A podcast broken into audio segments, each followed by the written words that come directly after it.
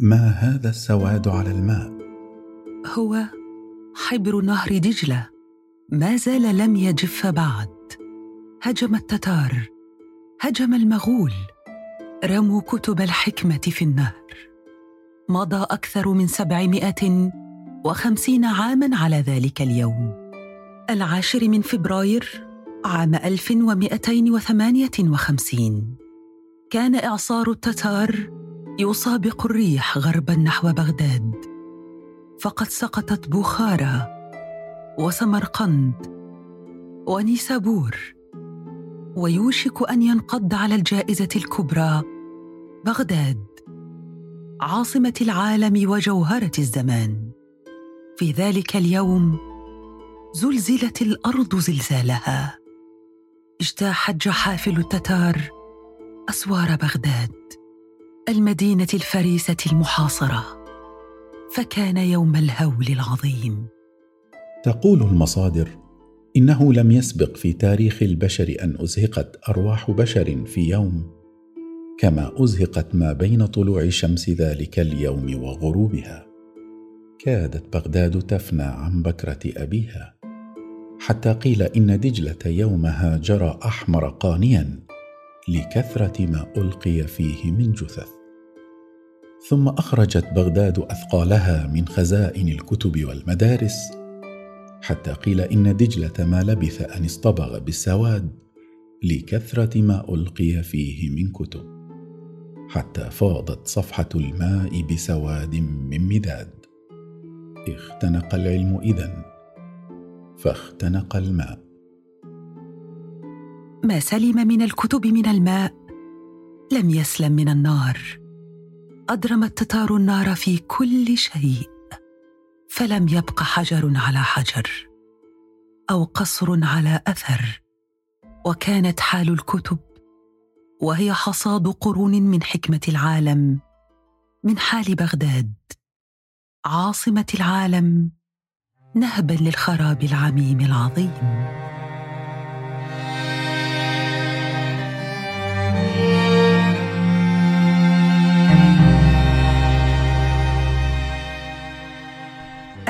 وسهلا ومرحبا بكم متابعينا الكرام. سلام لكم من القلب. بدفء 37 درجة مئوية. أنا دكتورة أميرة السنوسي. وأنا الدكتور رياض سلمان. نرحب بكم أجمل ترحيب وندعوكم إلى هذه الحلقة الجديدة.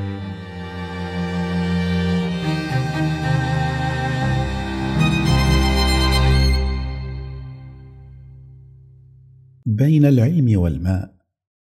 تاريخ قديم وحميم. الحضارات الكبرى قامت في كنف الأنهار الكبرى والاكتشافات الكبرى التي رسمت المسار حدثت على ضفاف الأنهار والبحار. فحيث يتقاطر الماء يتقاطر الناس. يقيمون يزرعون ويحصدون في الأرض. ينظرون إلى النجوم والسماء فيتوصلون إلى عدد السنين والحساب. هكذا يتقاطر العلم فكرة فكرة حتى يصبح كالنهر لكن دون حدود.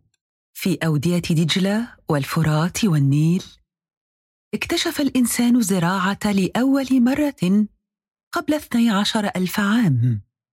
وهكذا في بلاد ما بين النهرين. وبعدها بقليل في وادي النيل. اكتشف الإنسان الكتابة لأول مرة قبل خمسة آلاف عام. وهكذا في نينوى الآشورية أنشئت أول مكتبة في العالم قبل حوالي 2700 عام. هكذا إذا بدأت قصة الحضارة ومسيرة العلم وكانت هذه المنطقة مهد هذه الحضارة. وفي قلب وصلب هذه المسيرة منذ بداياتها الأولى تسارعت المسيرة فجاءت خمسة قرون سمان من القرن الثامن حتى القرن الثالث عشر الميلادي كانت المنطقة خلالها تتصدر ركب العلم والمعرفة. فكانت بغداد حاضرة العالم وقبلة الفلاسفة والعلماء. وأهم مركز علمي ودراسي في العالم على مدى خمسمائة عام.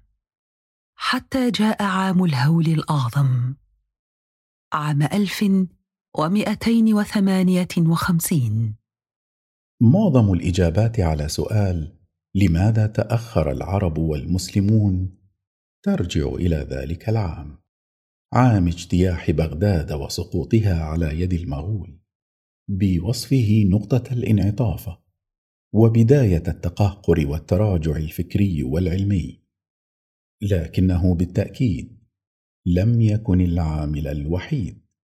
فلم تكد المنطقة تستفيق من هول ذلك الخراب العظيم حتى ابتليت بالجفاف العميم والمجاعة والأوبئة التي فتكت بالناس في الشام ومصر وشمال أفريقيا. جف الماء إذن فجف العلم. من النيل إلى الفرات.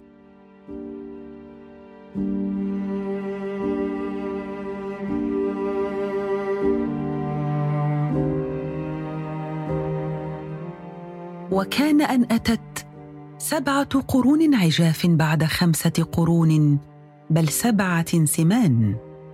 تراجعت خلالها المنطقة عن ركب العلم وتقهقرت إلى مؤخرة الصفوف بعد أن كانت في مقدمتها وصدارتها.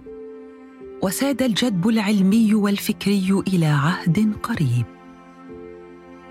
من حسن حظ هذه الأمة أنه لا يزال هناك ثلة تفعل المستحيل لكي لا يكون الغائب الأكبر في مجتمعاتنا هو العقل والعلم والكتاب. ثلة تحفر بدأب في صخر العلم والمعرفة الجادة مرابطة على سبيل البحث الرصين. ثلة لا تزال ترسم الطريق كمشاعل نور لقافلة بصيرة وضياء. في يد الراكضين من أجل الفوز والمجد. ضيفنا الكريم الذي نتشرف باستضافته في هذه الحلقة هو واحد من هذه الثلة المرابطة في سبيل العلم. ممن نذروا عمرا وجهدا في هذا الطريق. هو باحث فذ موسوعي في تخصصه واهتمامه. ألف أربعة كتب تعد مراجع متخصصة وكتب أكثر من ستين فصلا. كما نشر أكثر من ثلاثمائة وخمس عشرة ورقة علمية. وله أكثر من ألف مقال صحفي على مدى عشرين عاما. في انتظار الذي يأتي نرحب بالأمل في سؤال ضيفنا الجليل فهو أفضل من يرد اللغة إلى أصلها. اقرأ وتدبر. ويجيب على تساؤلاتنا.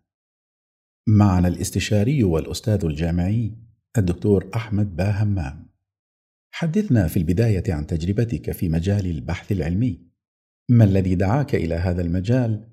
وكيف تأثرت بالمنهج العلمي؟ أحيي متابعي 37 مئوية. حقيقة ما دعاني لعمل البحث العلمي هو أمور كثيرة وقد بدأ اهتمامي بالبحث العلمي من مرحلة الدراسة فقد كنت محرر الجريدة أو المجلة العلمية الخاصة بالثانوية التي كنت أدرس فيها آه، في تلك المرحلة وكانت مجلة علمية تهدف إلى نشر والمشاركات العلمية للطلاب وكانت تنشر بشكل دوري. وبدأ اهتمامي مرة أخرى بالبحث العلمي وأهميته عندما ابتعثت إلى كندا. فخلال الدراسة في كندا تبينت لي أمور كثيرة عن البحث العلمي. فأدركت حينها أن البحث العلمي مهم وأساسي للتطوير الأكاديمي والوظيفي ولخدمة المرضى كطبيب. وتعلمت أيضا أن يكون تفكيري تفكير كريتيكال أو نقدي للأمور العلمية لأن المسلمات في الحياة قليلة جدا. فلابد من السؤال والاستكشاف. والاستكشاف يقود إلى الإبداع. البحث العلمي أضاف لي كثير في الحقيقة. البحث العلمي اولا يعطيك آه، معلومات الخبير يجعلك مطلع على أمور كثيرة في مجال تخصصك يساعدك على استكشاف أمور لم تستكشف بعد وتطبيقها بعد ذلك بالنسبة لي كطبيب على علاج المرضى أيضا يعطيك رضا داخلي مهم جدا لأن تطوير العلم أو إضافة معلومة جديدة لخدمة المرضى أو لخدمة آه، الخدمات الصحية بشكل عام يعطيك راحة ورضا كبير أنك قدمت معلومة جديدة ستخدم الآخرين. فالرضا الذاتي مهم جدا والمكافأة الجوهرية في التحفيز الفكري أيضا مهمة جدا. أيضا البحث العلمي يعطيك اعتراف محلي وإقليمي ودولي ويأخذك خارج قيود الوظيفة وخارج قيود الممارسات التي تقوم على أساس اللوائح والى إبداع ويطلق قدراتك الفكرية والإبداعية إلى فضاء واسع جدا لا حدود له. ترى هل كان لعلماء العرب والمسلمين في القرون الوسطى إسهامات في هذا المجال؟ نشأ المجد العلمي للأمة العربية في شبه الجزيرة العربية حقيقة في القرن السابع الميلادي مع ظهور رسالة الإسلام وبعثة معلم البشرية الأول مصطفى صلى الله عليه وسلم في أول نزول الوحي كلمة اقرأ. وقد تولى العلماء في حواضر العالم العربي والإسلامي بعد ذلك في بغداد والقاهرة ودمشق وقرطبة البحث والتطوير العلمي لتطوير ما نعيشه الآن وشكلت الاكتشافات التي تم إجراؤها خلال هذا الوقت الأساس لظهور ما يسمى بعصر النهضة الأوروبية. وظهرت تخصصات جديدة لم تكن تعرف في العالم في ذلك الوقت مثل الجبر وحساب المثلثات والكيمياء بالإضافة إلى مساهمة العرب في تطوير العلوم الأساسية المعروفة في السابق مثل الطب وعلم الفلك والهندسة والزراعة. وسأتطرق الآن إلى بعض الأمثلة على الاكتشافات التي حدثت في عصر النهضة العربية. فمثلا ما يسمى بالكاميرا المظلمة. آه، كان ابن الهيثم أحد أعظم علماء القرون الوسطى أو القرون الذهبية بالنسبة للعالم العربي والإسلامي من القرن العاشر. ومن بين مساهمات العديدة في علم البصريات قدم أول تفسير صحيح لكيفية عمل الرؤية باستخدام الكاميرا المظلمة أو الكاميرا ذات الثقب لإظهار كيف ينتقل الضوء في خطوط مستقيمة من الكائن لتشكيل صورة مقلوبة على شبكة العين. وهذا أول فهم للرؤية وهو ما أدى إلى تطور الكاميرا بعد ذلك. أيضا أول خريطة للعالم بشكل صحيح هي خريطة العالم الإدريسي وهو أحد آه، علماء الأندلس. وأنتجت هذه النسخة التي يبلغ طولها حوالي ثلاثة أمتار لخريطة القرن الثاني عشر. وشملت وصف كامل للعالم في ذلك الوقت واستخدمت على نطاق واسع من قبل المسافرين لعدة قرون واحتوت على أوصاف مفصلة للشمال الأوروبي وكذلك العالم الإسلامي وأفريقيا والشرق الأوسط من الاكتشافات المهمة التي طورت العالم ولم ولم يكن للعالم أن يتطور بدونها هو استخدام الصفر في الحساب وهذا إنجاز عربي. وتناولها عالم الرياضيات العربي العظيم الخوارزمي. وفي النهاية جلب العرب الصفر إلى أوروبا. فقبل ظهور الإسلام كان جميع الغربيين الأوروبيين يستخدمون نظام الأرقام الروماني والعداد. ولكن بعد ظهور حضارة الإسلام وحضارة العرب ذهب العديد من تجار العرب إلى الغرب في أوروبا وقاموا بتدريس نظام الأرقام العربية للتجار الغربيين. وهذا يعني أن الأرقام العربية وصلت إلى الغرب. وهذا في حد ذاته إنجاز كبير لأنه سهل الحساب وطور عمليات الحساب والرياضيات بجميع أشكالها. كطبيب يهمني كثير موضوع إسهامات العلماء العرب في الطب وقد كتبت في هذا المجال ولكن سأستعرض بعض هذه النقاط. بحلول القرن الثاني عشر أنتج الأطباء المسلمون العديد من الأعمال والموسوعات الطبية والنصوص حول أخلاقيات مهنة الطب. هم أول من طور أخلاقيات مهنة الطب وبدأوا تخصصات جديدة مثل طب العيون وظهر مؤلفات مهمة جدا وأساسية في بناء الطب الحديث. لعل من أهمها كتاب القانون في الطب لابن سينا. وقد سمى الأوروبيون ابن سينا بأمير الأطباء ودرس هذا الكتاب في الجامعات الأوروبية لقرون ومن الكتب المهمة أيضا الحاوي في الطب للرازي. أيضا هناك آه، أمور مهمة أخرى في الطب. مثلا أحد الاكتشافات الأساسية التي أدت إلى تقدم الطب هو اكتشاف الدورة الدموية الرئيسية والدورة الدموية الرئوية وهذا هو اكتشاف لابن النفيس أحد علماء العرب والمسلمين. أدى إلى تطور فهم فيزيولوجية الجسم. أيضا من الاكتشافات المهمة في الطب اكتشافات الزهراوي الجراحية فالزهراوي هو أحد رواد الطب والجراحة وكتابه كتاب التصريف أحد أهم الكتب التي ترجم ودرس في الجامعات الغربية لقرون طويلة وقد وصف الزهراوي في القرن العاشر وهو أحد علماء قرطبة الكثير من الأدوات الجراحية التي ما زالت تستخدم حتى اليوم مثل المحقنة والملقط وخطاف الجراحة والإبرة ومنشار العظام ومشرط تفتيت الحصات وغيره. أيضا كطبيب مختص في طب النوم من خلال بحثي ونشري في هذا الموضوع واهتمامي به اكتشفت أن أول كتاب كتب عن اضطرابات النوم وعن النعاس كتبه عالم عربي هو ابن الجزار كان في تونس. أيضا لو انتقلنا إلى الكيمياء والأدوية مساهمات العرب والمسلمين كبيرة جدا أشهرهم مساهمات جابر بن حيان والرازي. فالمسلمون أو العرب هم أول من حول الأدوية إلى شراب ما يسمى بالسيرب الآن. وهم أول من أنشأوا محلات الصيدلية لبيع الأدوية وصرف العلاج. أيضا كتاب ابن البيطار الجامع في الطب أحد أهم المراجع وأول المراجع في علم الأدوية. آه، هذه نبذة سريعة عن كثير من الاكتشافات وغيرها الأكثر من ذلك لا يتسع المجال لذكرها عن مساهمات العلماء العرب في النهضة الأوروبية أو نهضة العصر الحديث. كيف تعود أمة إقرأ؟ من وجهة نظرك لتتصدر لوحة الشرف. في مؤشرات القراءة لأكثر الأمم كتابة وتاليفا ونشرا. وكيف لها أن تكون من جديد في طليعة قائمة التعليم الجاد؟ حتى نعود لابد أن نتبع ما قام به أجدادنا ولا بد أن نهيئ جيل ناشئ جيل قادم يحب العلم. فنستثمر في الجيل القادم ونبني جيل يحب التعلم ويحب البحث العلمي. ونستطيع أن نعمل ذلك من خلال بناء وزراعة أساسيات البحث في هذا الجيل من مراحل التعليم الأولية وتطبيق ذلك عمليا في خلال دراستهم. أيضا الابتعاد عن أسلوب التعليم القائم على التلقين والاعتماد على أسلوب التعليم القائم على البحث من البدايات من المراحل الأولية في التدريس وتعويد الطلاب من المراحل الأولية على على الاستكشاف والإبداع وتنمية مهارة السؤال لديهم لأن أي إبداع يبدأ من سؤال إبداعي ومن التفكير خارج منظومة التفكير التقليدي. أيضا زراعة حب العمل كفريق في الجيل الناشئ أو ما يسمى بروح الفريق وتقدير الإنجاز الجماعي أكثر من الإنجاز الفردي لأن البحث العلمي في أساسه هو نتيجة عمل فريق متكامل وليس عمل فردي. أيضا أهمية إبراز العلماء والباحثين كقدوات للجيل الناشئ.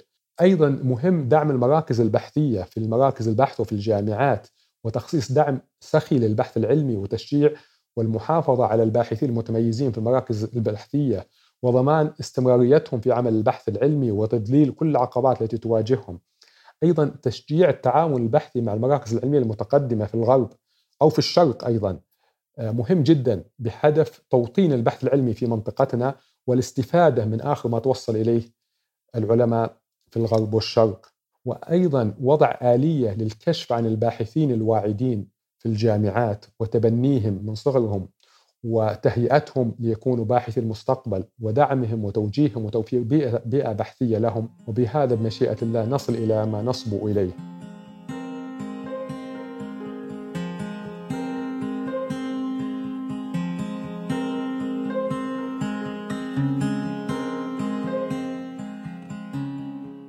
مضى أكثر من سبعة قرون على سنة الخراب العظيم.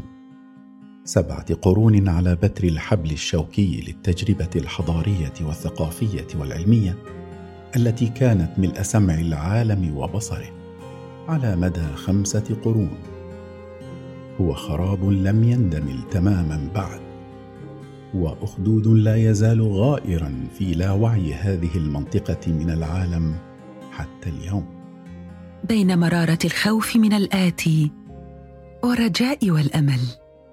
ستنبجس أنوار تلك الحقيقة البسيطة المنكرة. هكذا هي الحياة. فحينما نكون قادرين على تطوير مراكز بحثنا نصبح قادرين على صنع أدواتنا ودوائنا. عندئذ لن نكون عابرين في كلام عابر. وسيستعيد الشرق عينيه الساحرتين وغابتي نخيله ساعة فجر. سنعود نغرف حبر نهر دجلة ومن مائه نروي زهرة اللوتس وقمح الحياة.